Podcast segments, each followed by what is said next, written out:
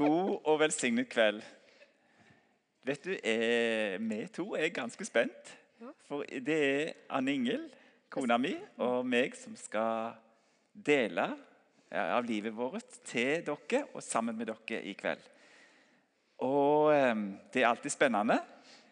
Eh, jeg tror og håper at eh, dere får ha en god stund. Eh, og at vi sammen skal få dele noe som dere kjenner gjør godt innvendig, og som dere kjenner dere blir møtt av Gud gjennom. Det at vi skal ha en sånn tale sammen, det er jo ikke så vanlig. Det har eh, vi funnet ut er en god idé.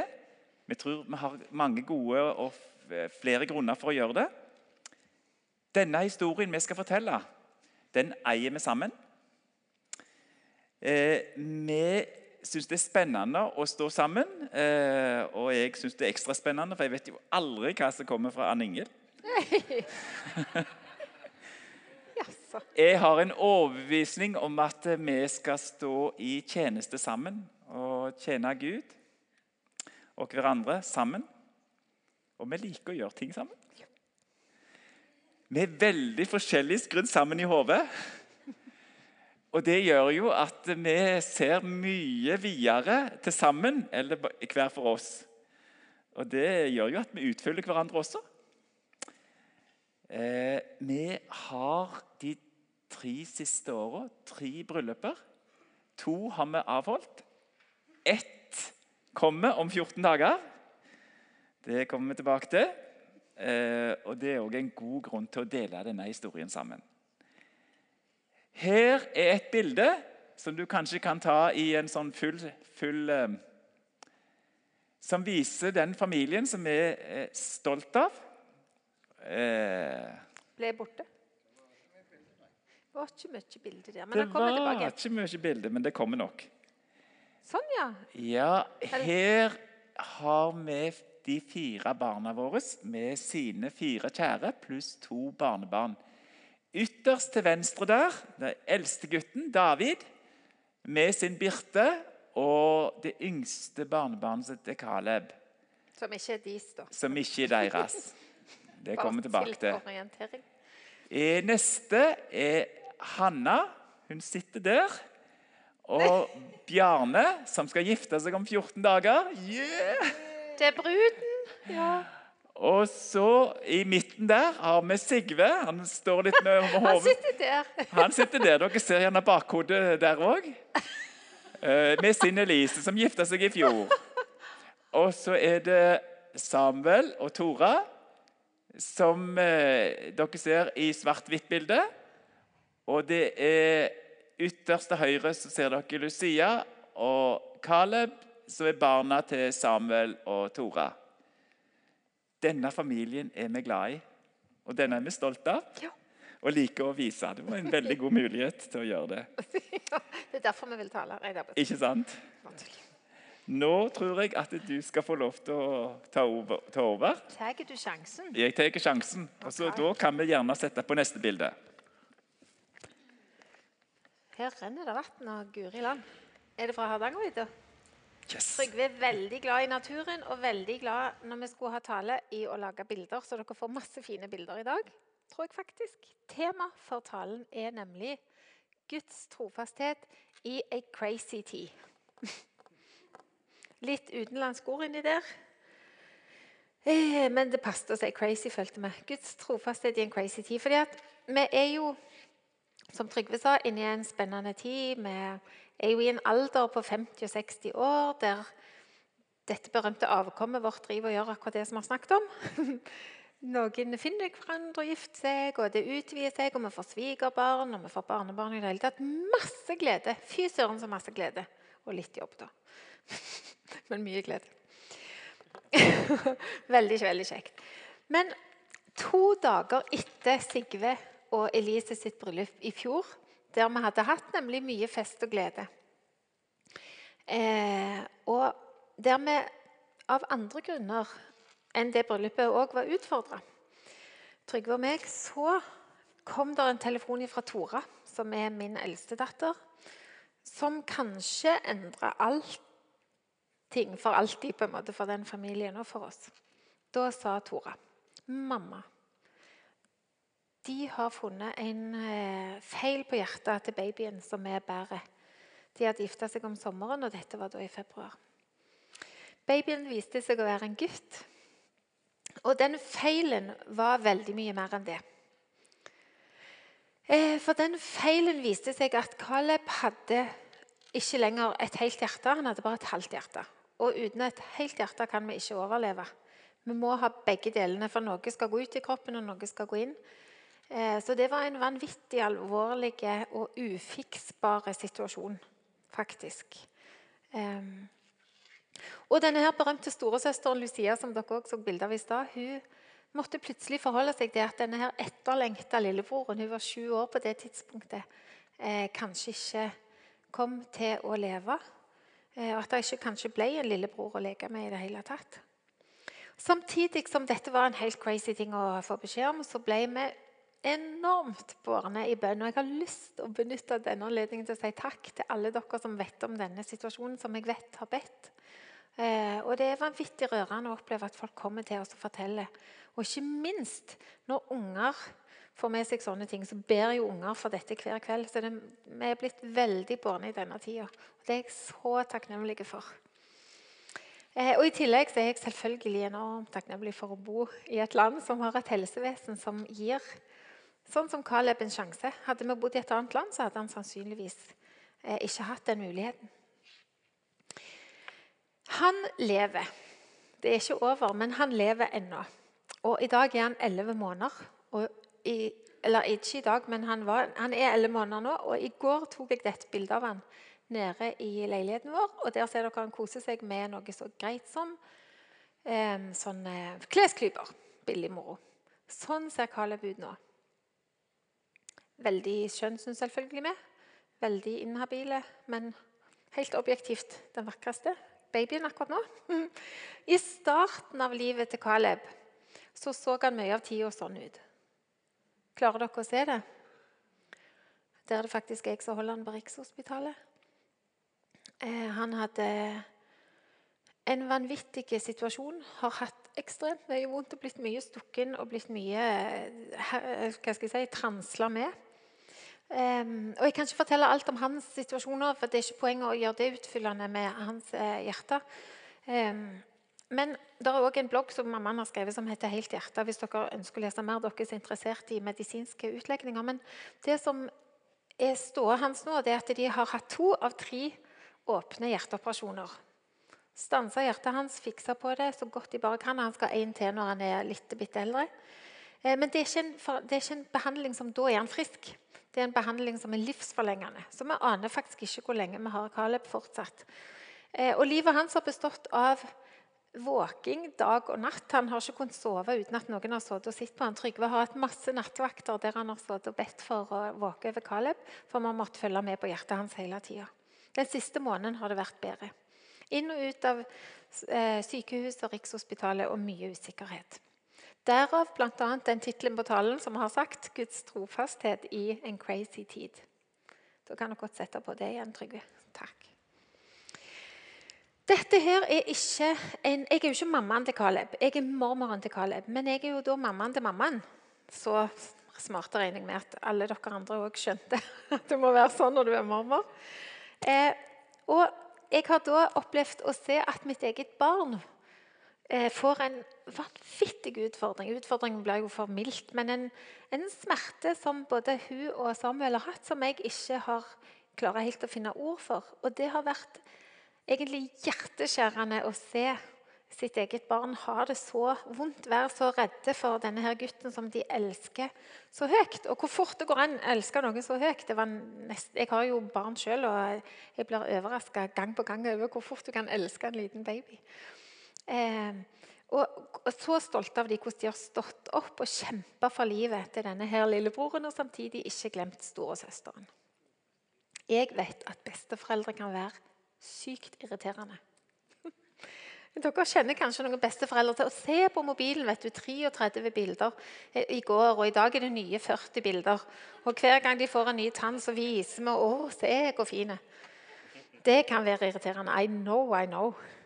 Men saken er at når du bare elsker noen som òg er så trua, så blir du bare litt sånn altså Du blir uansett veldig silly. Det er et uttrykk som heter 'It takes real love to be silly'. Det kan gjelde i all slags type kjærlighetsforhold. Jeg, for meg er det veldig sånn i forhold til Gud òg. Jeg tenker jeg skal være så dum jeg bare vil, bare det tjener Guds rike. Og, men òg i forhold til det her barnebarnet. Og når dette barnebarnet sitt liv er så trua, så blir du litt ekstra litt ekstra på en måte Det blir ekstra mye kjærlighet.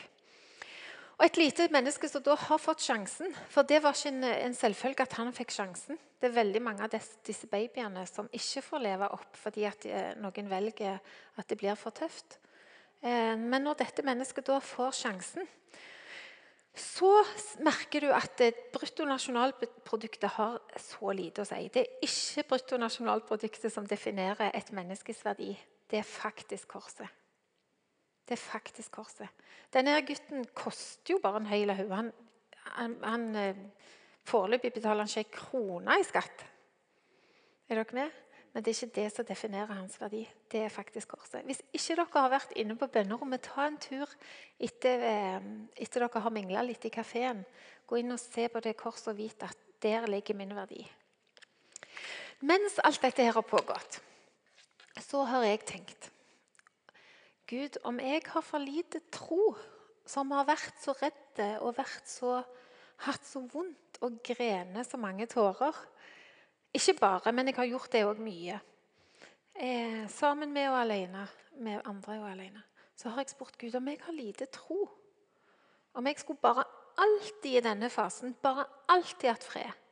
Alltid tenkt at dette Gud har du kontroll på, enten han lever eller dør.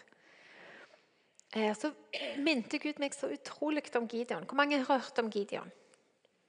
Gideon er en person i Det gamle testamentet som eh, skulle slåss med en svær hær. Og så fikk han færre og færre folk å slåss mot. Så til slutt sto han bare igjen med en liten gjeng i forhold til de Nå husker jeg ikke tallene, da, men de var i fall, forholdet var helt sånn crazy. Og da minte Gud meg på at min her, på en måte, det har vært dette halve hjertet som ikke har vært helt, som ikke gjør at du kan leve. Sånn at det at jeg er klar over den hæren, det gjør at det er veldig naturlig å være redd. Men det er òg for meg veldig naturlig å stole på Gud. Så i den spenningen, og av og til samtidig nesten, har jeg vært livredd og stolt på Gud. Eh, så opplevde ikke jeg at jeg fikk kjeft av Gud fordi jeg var redd, men jeg opplevde at det var naturlig. Og det var òg naturlig å regne med Han. Skjønner dere hva jeg mener? Det var en vandring jeg gikk. Og jeg tenkte at jeg skulle gi dere noen nøkler som eh, har hjulpet meg i denne tida. Og som kanskje kan være til hjelp i deres crazy tid. Eller uansett. Kanskje for noen, kanskje ikke for andre. Kanskje vet ikke, vet ikke. Nei, hvordan er det nå? Kanskje vet ikke, kanskje ikke. Men nå skal dere få de. Punkt 1. Fellesskapet eller familien. Jeg kaller dette familien. Dere er min familie, enten jeg kjenner dere eller jeg her om søndagene. Eh, jeg har jobba mange år i IMI, og de som jobber i IMI, de må ofte være foran her. liksom Enten de vil eller ei. Men vi må, vi må ofte det. Det er sant. Eh, cirka, iallfall. Iallfall så, har, eh, så jobber ikke jeg i den stillingen lenger, men jeg har jo dette barnebarnet på, på syv og nå åtte som har selvfølgelig vil fortsette å sitte sammen med meg her, for det er jo det jeg alltid har gjort. Så jeg har stått framme ca. der som dere sitter nå, og grene og grene og grene. Hver gang det var lovsang det kunne, trengte du liksom ikke mer enn gjøre én sånn Hva heter det? Én akkord. Eh, så uh!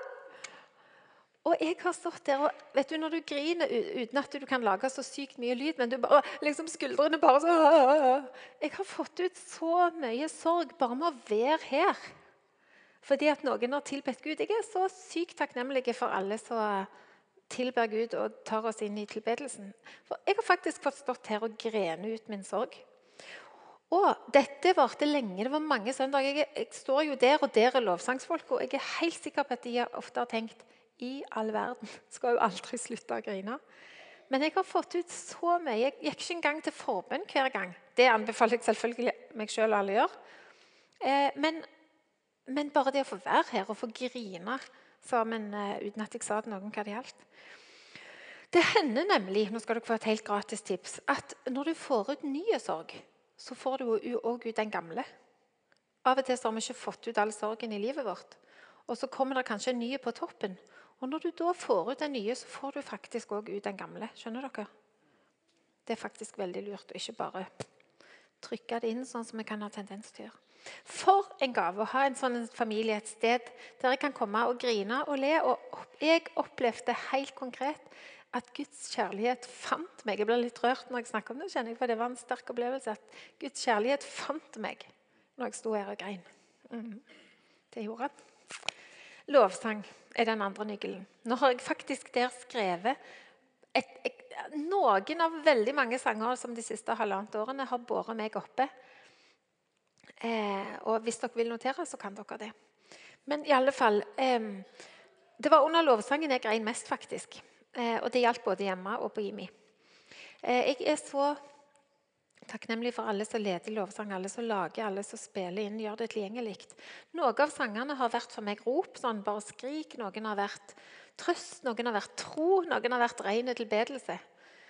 Eh, det har vært hele spekteret. Og på bønnerommet, både hjemme og her, så har eh, Eller på bønnerommet mitt hjemme så har mange av de gått på repeat. Ja. Mange flere, men blant annet de. I tillegg så har noen av dere i menigheten sendt meg sanger. 'Har du hørt denne? Har du spilt denne? Har du sett denne?' Eh, på YouTube. Og så har jeg åh, rett og slett bodd i de sangene. Noe av det som også har gjort mitt hjerte rolig, det er å spille Jarle Valdemar lovsanger for barn og, og tweens, gjerne sammen med barnebarnet. For hun, hun og barn da, generelt har en sånn ekte måte å være på. De gjør det ikke hvis de ikke føler for det, og når de gjør det, så gjør de det så veldig. og det har vært veldig for meg sånn Det har vært også veldig beroligende for å være en del av lovsang sammen med barn. En hel tur til Oslo, til Rikshospitalet. Vi gønte på med den siste til Jarle Valdemar og sang av full hals.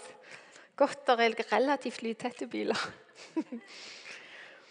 Den tredje nøkkelen er Guds ord. Er, jeg sier det ikke i en spesiell rekkefølge, men det er en del nøkler dere får. Guds ord. Eh, hjemme i sofaen min eller på bønnerommet Vi har et bønnerom hjemme på IMI, i talene, eller enten jeg har vært der eller ei, eller jeg har vært i barnearbeidet, podkaster All slags gode taler har jeg hørt når jeg har gått tur eller sittet i ro. Eh, og dette er noen, og det er bare virkelig noen. Hvis dere hadde sett notatboka mi, så hadde dere skjønt at det var noen. Men jeg tenkte jeg ville gi dere noen. Jeg har glemt å skrive at de to øverste av de, det er fra The Message Eh, jeg lurer på om en er fra The Passion Translation òg. Fra Salme 143, Isaiah 46. Men eh, den siste der, Acts 2, i et av de versene fra The Message, så står det I pitched my tent in the land of hope. Det er bare, når jeg leser den setningen, så bare Jeg kan være i den setningen i en måned, jeg, for min del.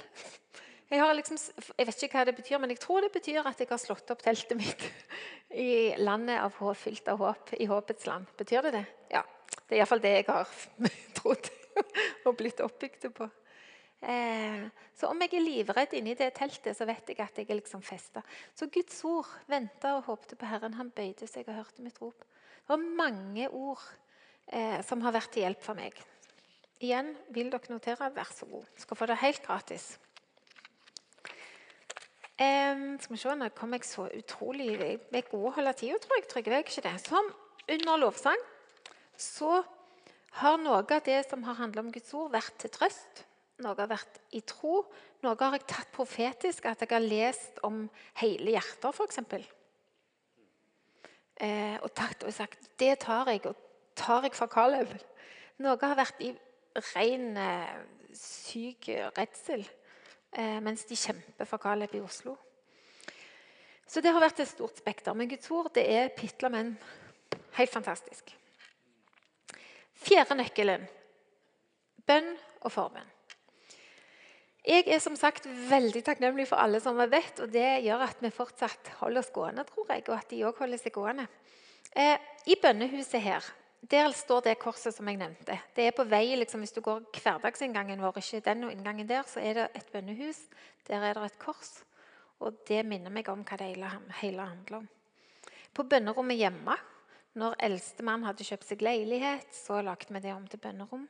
Fantastisk å bare være der. Hunden liker til og med å være der. Veldig interessant.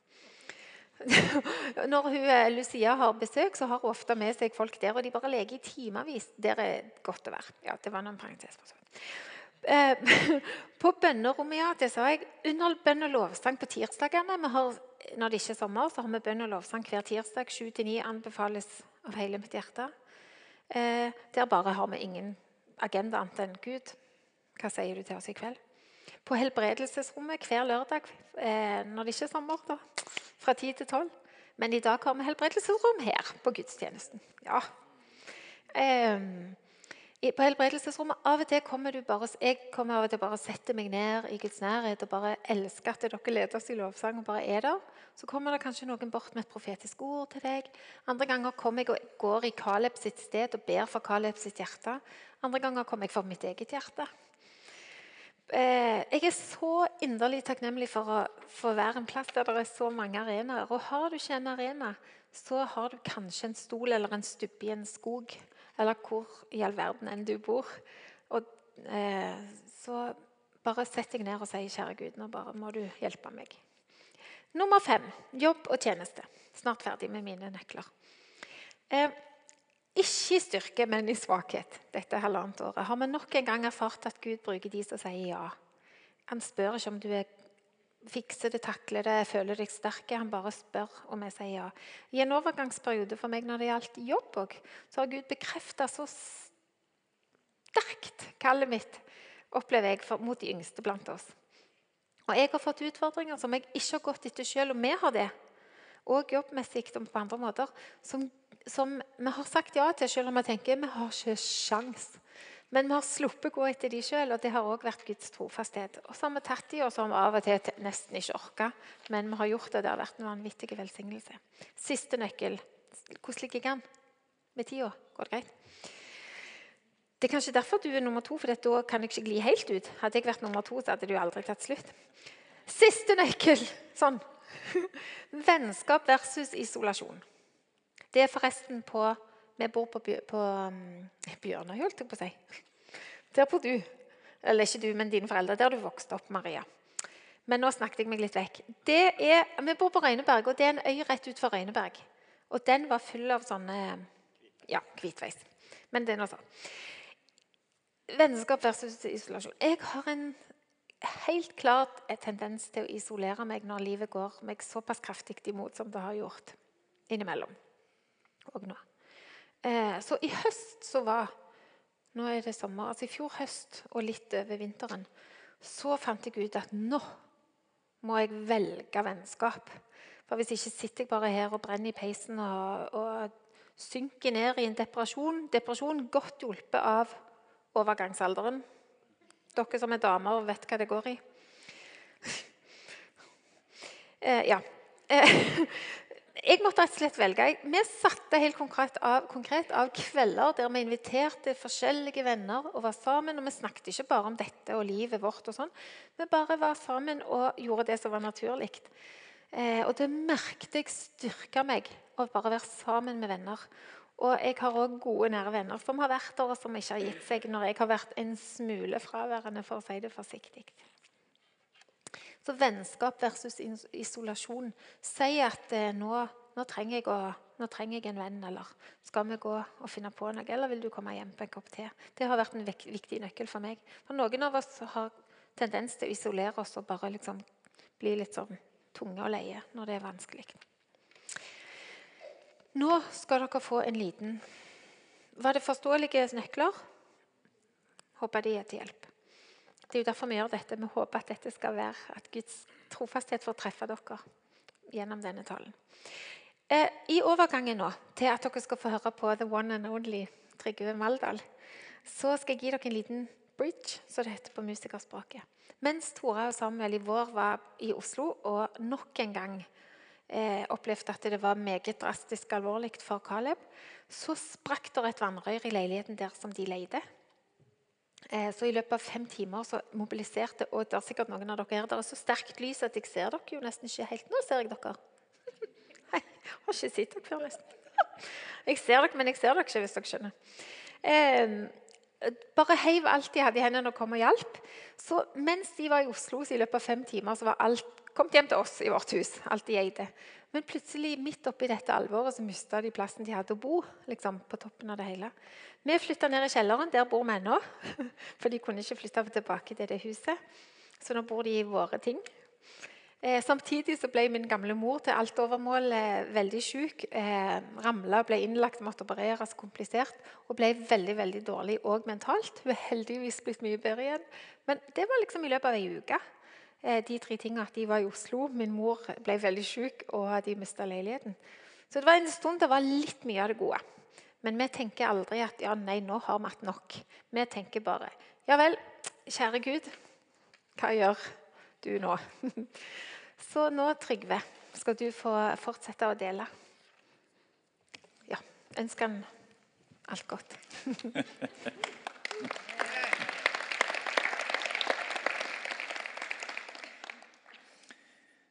Ja, eh, det var mange som kom og hjalp eh, Tora sammen med å flytte mens de var på Rikshospitalet. Vår gode tekniker Steffen han kom eh, inn gjennom eh, på plenen, som sitter der nede. Og Så sier han til meg mens vi drev og flytta Dette var jo ikke nok. De måtte jo få noe til. og jeg husker det var liksom, Han var, han var overgitt, og jeg var overgitt. Og vi drev og flytta på møbler som det sto etter. Jeg kan få neste bilde. Eh, der er det et bibelvers fra Gammeltestamentet. Eh, dette her er et bilde som er tatt eh, i et landskap som jeg elsker. Det er å gå på ski på fjellet. Dette verset For Herrens øyne farer over hele jorden, så han med sin styrke så, så han kan styrke dem som helhjertet holder seg til han. Så han kan styrke de som helhjertet holder seg til han. Hva holder Gud på med? Det er iallfall en av de tingene Gud holder på med. Han ser etter oss. Han ser etter de som holder seg helhjerta til han. For at han skal gi de sin power. Og det er et vers som jeg er glad i, og som jeg eh, skal komme litt tilbake til. Og med de ordene i bakhodet så skal jeg starte å fortelle med en personlig historie som, ikke, som er yngre eller når vi drev og flytta for Samuel og Tora i mars. Jeg eh, har en bror som heter Per Åge. Og Hvis jeg nå får opp et bilde, så er det han som sitter til venstre der. Nei, til høyre. Unnskyld. Det er Han som sitter venstre, det er min minstebror med Eirik på fanget. Jeg har mange brødre. Jeg har eh, faktisk sju, eller hadde sju. Veldig glad i de alle sammen, og ei søster også, eh, som jeg er glad i. Det er ikke noen eh, tvil om at eh, meg og Per Åge vi har likt eh, hverandres selskap helt siden barndommen. Han har stått meg eh, nær.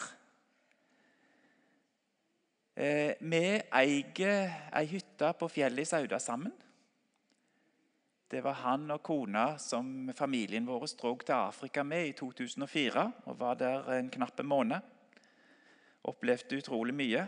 Vi to jobba i samme selskap, Statoil, som nå heter Equinor. Han pleide da å gjerne, Når han skulle ut i Nordsjøen, på Stadfjordfeltet Kanskje noen av dere jobber på Stadfjordfeltet? Han jobba der i eh, ja, eh, i over 20 år. Da overnatta han gjerne hos meg, og vi satt og drakk kaffe sammen. Vi spilte tomannsvist for de som er glad i sånn kortspill. Det likte vi. Av og til gikk det ganske hett for seg. Da eh, kunne han Ingel komme inn og lure på hvem var det nå som tapte eller vant. Vi likte hverandres selskap. Han planla sammen med kona si å flytte fra Sauda til Sandnes når hun skulle gå av med AFP om noen år. Søndag for to måneder siden, søndag 29. april, så hadde vi avtalt å gå en lang skitur sammen. Per Åge og Sigvald, som dere ser på bildet, og meg. Sigvald har hytta på sida av oss to. Det er oss, oss, tre som har hytta der oppe på, på fjellet i Sauda. Det var et sånt vær som dere ser ute nå, bare en del kaldere. Og føre var helt ideelt for de som liker å renne sånn uh, telemark. Så var det helt ideelt. Det er sånn, sånn drømmeføre. Og vi tok ut, og vi gikk uh, og gikk. Og prata og nøyt sola. Og når vi nærmer oss målet til fire timers gange så sier Per Åge 'Jeg har vondt i brystet'. Er du klart at da eh, Vi har jo hørt om Kalebs hjerte her, og det er jo det første du tenker. Du blir urolig. Hva er det nå som skjer?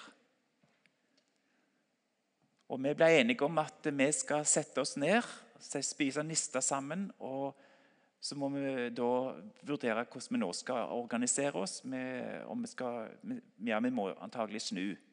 For han, han, uttrykte det ikke så sterkt, men det var iallfall noe som skapte uro. Så vi ble enige om at vi skulle sette oss på en stein litt bortfor der vi satt. Eh, og så gikk vi et lite stykke til. Og så siger min bror Per Åge sammen i snøen rett foran meg. Eh, og Det er et uvirkelig bilde som vi har på netthinna eh, ennå. Eh, jeg eh, opplever jo umiddelbart at dette er alvorlig. Jeg får jo ikke kontakt med han. Roper, vet du, som du gjerne gjør. Og, og, og så skjønner jeg jo at hjertet og pusten har stoppa. Og vi setter jo selvfølgelig i gang med førstehjelp. Eh, meg og Sigvald. Og ringer til luftambulansen og er egentlig en litt uvirkelig Eller ikke litt uvirkelig, en helt uvirkelig situasjon. De som har vært i en sånn situasjon, de vet hva jeg snakker om. Det er det heldigvis få av oss som har. Jeg har vært i den en gang til, en gang før. Så det var eh, Der holdt vi på i 40 minutter før luftambulansen kom. Hjertet hadde stoppa, han hadde fått hjerteinfarkt. Og det var, viste seg å være helt umulig å få det hjertet i gang igjen. Jeg fikk jo opp ei gammel sorg eh, når eh, min eh, kone eh, i 2007 døde plutselig med min yngste sønn som sitter der. Som uvirkelig tilskuer så hadde vi en lignende opplevelse. Eh, og det er klart at det blir på en måte, Du får gammelsorg som på en måte kommer opp i det andre. Som nå er oppleves. Eh, jeg må si jeg sørga dypt over Åge. Det har jeg gjort. Eh, det har vært tungt å kjenne at vi to aldri mer skulle ta en kaffe sammen i dette livet. Aldri mer skal vi gå på ski sammen, reflektere over livet sammen. Aldri mer skal vi diskutere hvordan vi vil ha det på hytta. Og aldri mer skal vi dra på tur sammen eller ta en tomannsvist. Jeg har et håp om at disse tingene skal jeg kunne gjøre med Per Åge i evigheten. Jeg tror vi tar opp det eh, neste bildet. Dette bildet er tatt på vei til den fjelltoppen jeg snakket om, Skaulen. Ikke på samme turen. Det er en gang jeg gikk alene. Den fjelltoppen som dere ser oppe her med det lyset der, det er faktisk en busk. Det er en busk som ser ut som den brenner. Det er sola som skinner inni det, og det glinser. Og det var en uvirkelig opplevelse å stå og se på det lyset. Ehm, det er vakkert, det Gud har lagt. For Herrens øyne farer over all jorden, så han kan styrke den som helhjerta holder seg til Han. Dere har hørt om nøklene som han Ingel fortalte om. Jeg kjenner de sjøl. Eh, fantastiske nøkler. Eh, Guds trofasthet slutter ikke når vi møter crazy situasjoner. Kanskje ekstra uavhengig av hva slags situasjoner vi er, så er den der. Gud er hele tida der. Hans øyne ser en.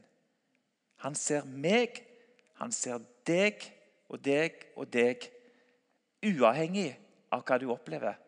Og vi har alle våre opplevelser. Mitt valg er akkurat som Daniel når jeg opplever sånne situasjoner og denne situasjonen.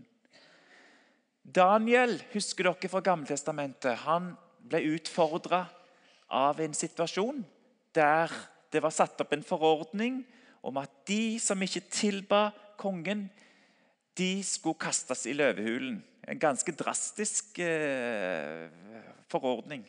Det står at Daniel han, han dreit i det, for å bruke et litt ukuriøst ord. Han gikk inn på rommet sitt, åpna vinduet, så han var sikker på at alle fikk høre det akkurat som før og brukte to av nøklene til en engel, bønn og lovsang, tre ganger til dagen. Og de som da hadde overbevist kongen om at dette her skulle gjøres, de tok han jo på fersk gjerning. Han visste at Guds øyne hvilte på han. Han visste hvem han forholdt seg til. Og han visste at Gud var sterkere eller kongen. Det er også den overbevisning jeg har. Jeg har en ledestjerne at når jeg møter noe, enten det er noe strålende, som brylluper som jeg snakker om, eller dette som jeg nå har fortalt om, som, er, som har tatt meg og oss eh, til de dypere lagene, så stiger spørsmålet vil det da føre vil, det, eh, vil dette gjøre at jeg fortsatt står i din pappa Guds velsignelse med livet mitt? For der vil jeg være. Der vil jeg være. Og jeg er overbevist om at uh, uansett det crazy som skjer, så er Gud min pappa som elsker meg, støtter meg, og som jeg kan lene meg på uavhengig av det som skjer. Det har jeg opplevd, og det opplever jeg. Hva holder du på med, Gud? Hva holder du på med? Vi har snakket om hjerter her. Mitt hjerte er helt med deg, Gud. Dine tanker de er høyere enn mine tanker. Du vet mye mer, for du ser alt, står det i Isaias 55. De ønsker jeg å koble meg på. Jeg ønsker å få greie på noe av det som du holder på med, Gud. Sånn at jeg kan være med i det som skjer. Jeg vet ikke hva som kommer ut av dette og denne historien som Ann Ingel og meg til sammen har, har, har delt nå. Med Caleb, med Per Åge. Hvordan dette totalt sett ser ut. Men det jeg vet, det er at han holder meg fast med sin hånd og jeg stre, stre, holder meg fast i hans hånd. Og min og vår relasjon gjennom disse erfaringene som vi deler, de blir sterkere. Det er bildet jeg delte, hvis du tar nå siste bilde. Her ser dere ei elv som renner. Det er for de kjente Kinso fantastisk elv med fantastiske fosser. Og Det var en fantastisk opplevelse å gå opp langs denne elven sammen med Bjørn Wang, som mange av dere kjenner. Den renner og renner og renner. Og sånn er det med Gud. Guds trofasthet. Den tar ikke slutt. Vannet kommer og kommer og kommer. Jesus snakket om vinden som blåser dit den vil. Så vinden og, og, og vannet går, Her vet vi noe om hva vei det går. Men det, det gjentar seg og gjentar seg og gjentar seg. Og sånn er det. Og da, vennen min, da tror jeg vi skal gå til avslutning. Nå har vi brukt opp vår tilmålte tid.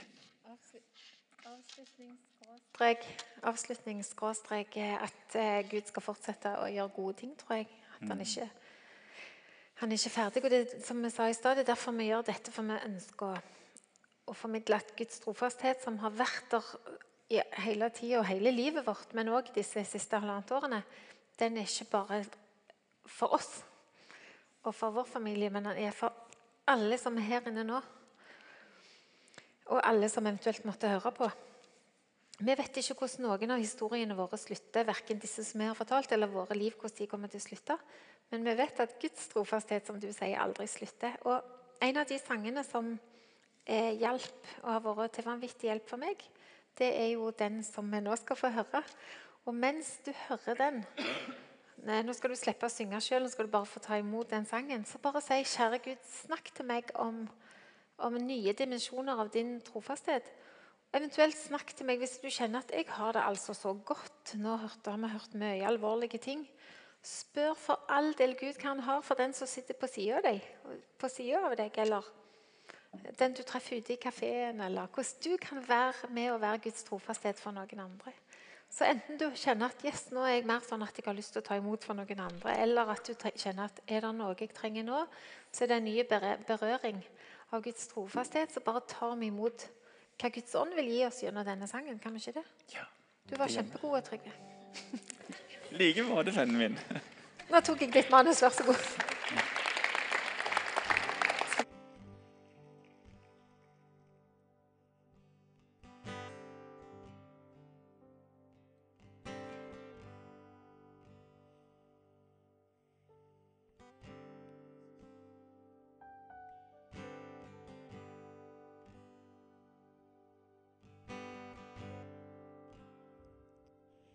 This is how I fight my battles. This is how I fight my battles. This is how I fight my battles. This is how I fight my battles.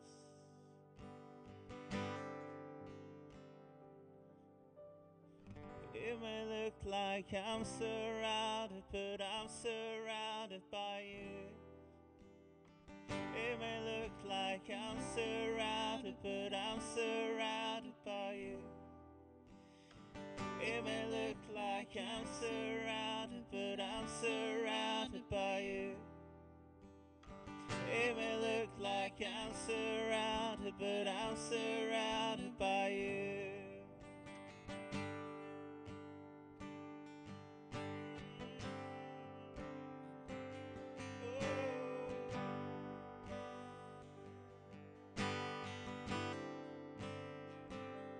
This is how I fight my battles. This is how I fight my battles. This is how I fight my battles. This is how I fight my battles. This is how I fight my battles. This is how I fight my battles. This is how I fight my battles. This is how I fight my battles. Surrounded, but I'm surrounded by you. It may look like I'm surrounded, but I'm surrounded by you. It may look like I'm surrounded, but I'm surrounded by you. It may look like I'm surrounded, but I'm surrounded